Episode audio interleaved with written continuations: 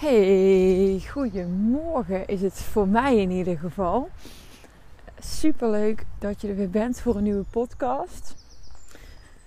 Ik neem de podcast altijd in het voren op, zodat ik echt vanuit inspiratie uh, op kan nemen. En ik niet de druk voel om op het laatste moment een uh, podcast op te moeten nemen. Want elke dinsdag en vrijdag wil ik er één uh, online zetten. En um, ja, dat betekent dat ik nu een podcast aan het opnemen ben voor volgende week vrijdag. Um, het is vandaag moederdag, zondag. En uh, ik heb even de kans gegrepen, Jimmy ligt lekker te slapen. De zon is thuis en uh, om eventjes alleen een stukje te gaan wandelen. Heel fijn. Dus uh, dat is een lekker begin van de dag. Um, in deze podcast, nou het sluit hier mooi bij aan, wil ik stilstaan bij leren zorgen voor jezelf. Want misschien herken jij erin dat jij heel goed bent in het zorgen voor anderen. Klaarstaan voor anderen. Misschien uh, ben je zelfs wel werkzaam in een sector waarin je zorgt voor andere mensen. En nou, dat is een super kwaliteit. Het zorgende is iets wat je waarschijnlijk als kind ook al deed. En uh, dat jou als kind ook het gevoel heeft gegeven om van betekenis te zijn. Dat je van betekenis bent als jij voor de ander zorgt. En dat is ook zo.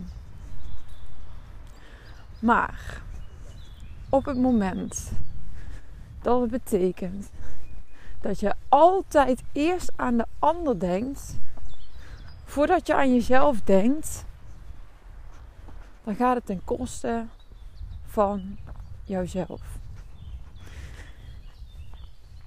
En in deze podcast wil ik je meenemen van hey, waar mag je bewust van worden, zodat jij ook echt in je eigen kracht komt te staan.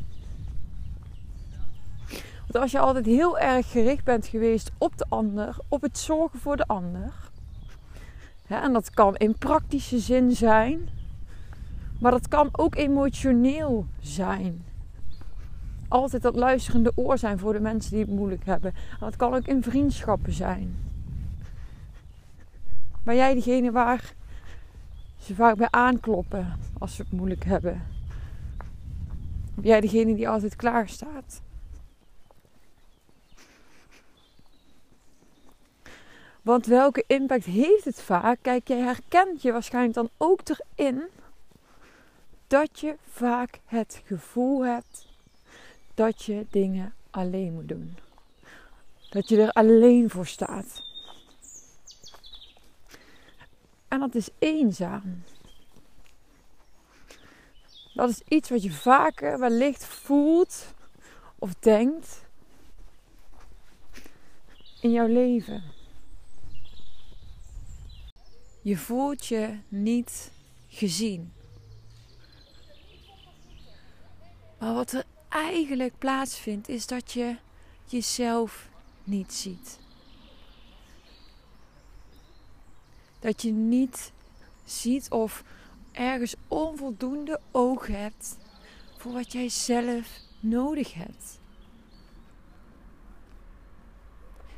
En dat spiegelt het leven jou. En dat komt omdat je waarschijnlijk niet comfortabel bent of minder comfortabel in het vragen van hulp.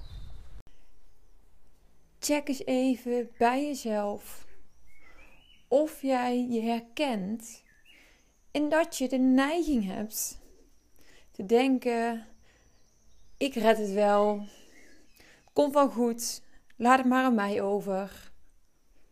Ik wil anderen niet wat last zijn. Zijn dat dingen die jij gelooft, die in jouw systeem zitten? Als dit met jou resoneert en als jij jezelf hierin herkent, dan is ook de kans groot dat je het uiteindelijk alleen gaat doen. En dan word je dus bevestigd in de overtuiging die je al hebt dat je het ook alleen moet doen. Dus sta eens even stil bij hoe is het voor jou om, om hulp te vragen? En wat, wat denk je over jezelf als je hulp vraagt? Wat zegt dat over jou? Zie je dat als iets krachtigs? Of niet?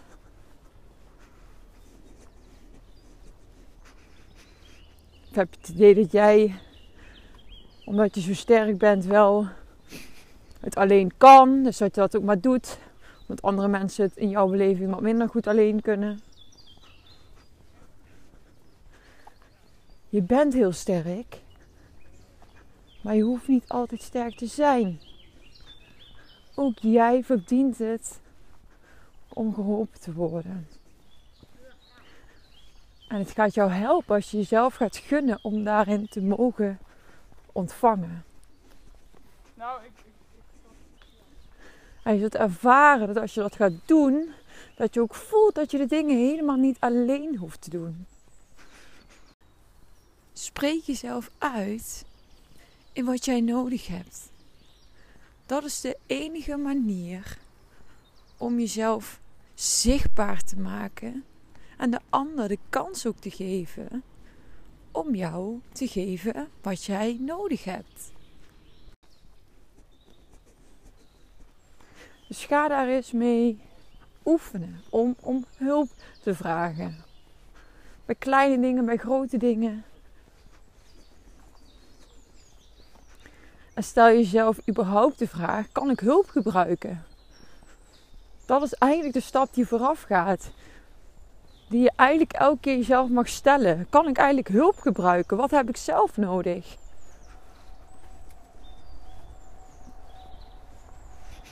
Want op het moment dat jij beter voor jezelf leert zorgen, en, en hulp vragen is daar een onderdeel van. Maar ook echt stilstaan bij wat heb ik nodig. Hoe beter jij voor jezelf zorgt, des te beter jij van betekenis kunt zijn, des te meer jij te geven hebt naar alle mensen die je lief zijn.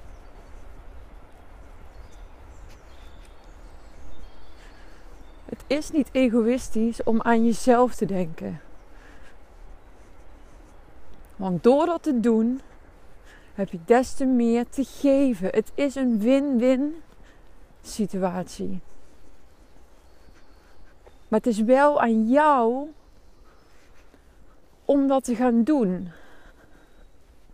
Als jij jezelf continu wegcijfert of jou, wat, wat jij nodig hebt minder belangrijk blijft vinden.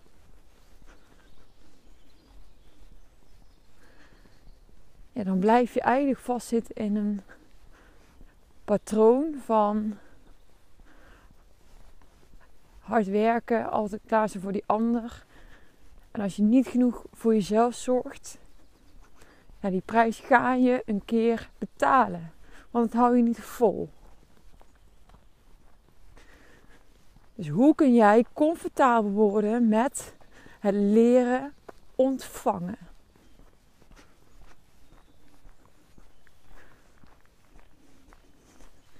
En ja, hoe reageer je bijvoorbeeld als jij een compliment krijgt? Kun je die ontvangen? Kun je die echt ontvangen? Of ga je het bagatelliseren of een beetje wegwuiven of word er ongemakkelijk van? Of Of geef je meteen een compliment terug. Kun je hem ook echt ontvangen.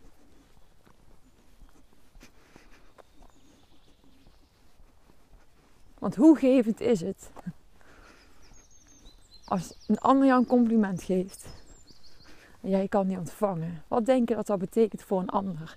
En wat denk je dat het betekent voor iemand anders als hij voor jou wat kan betekenen, als hij jou kan helpen? Dat is ook heel gevend weer voor die ander.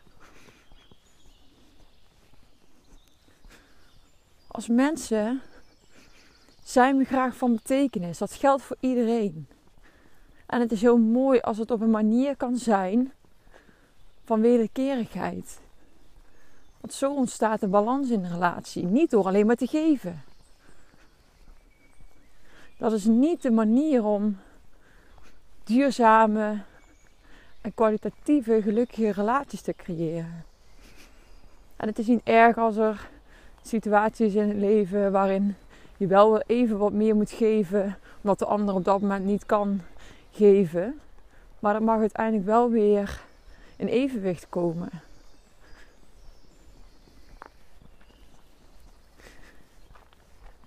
En door ook stil te staan bij de vraag wat je zelf nodig hebt.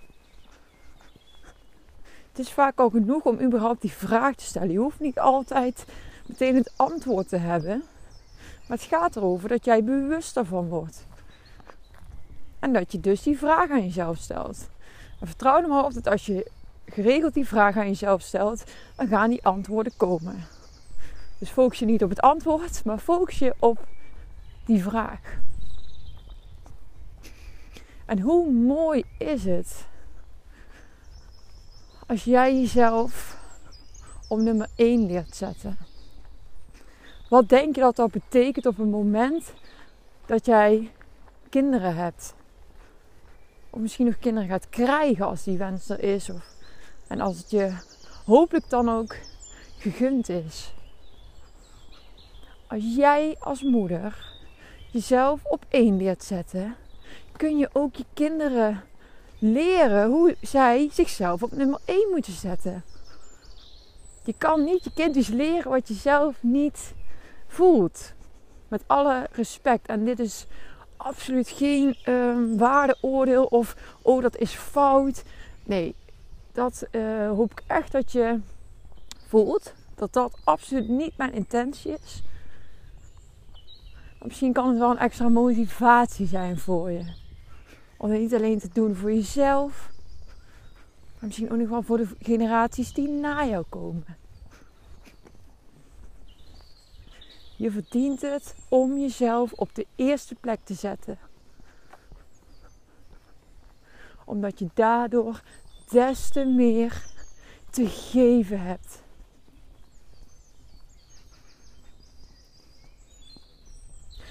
Ik hoop dat dit je op een bepaalde manier aan het denken heeft gezet. En jij weet zelf in welke mate dit voor jou aan de orde is. Want het hoeft niet altijd in de extreme te zijn. Voel, ja, wat voor jou klopt daarin?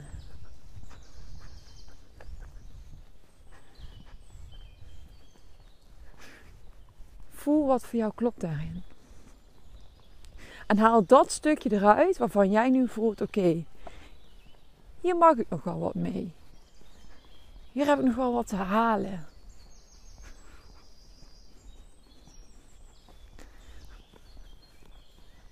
Ik zou het enorm leuk vinden als je mij laat weten wat jij hieruit hebt gehaald. Wat iets is wat je meeneemt. Ik zou het echt heel leuk vinden als je mij wil laten weten. Ik wens jou een hele mooie dag en ik vond het echt super dat je weer hebt geluisterd. En ik hoop je bij de volgende weer terug te zien.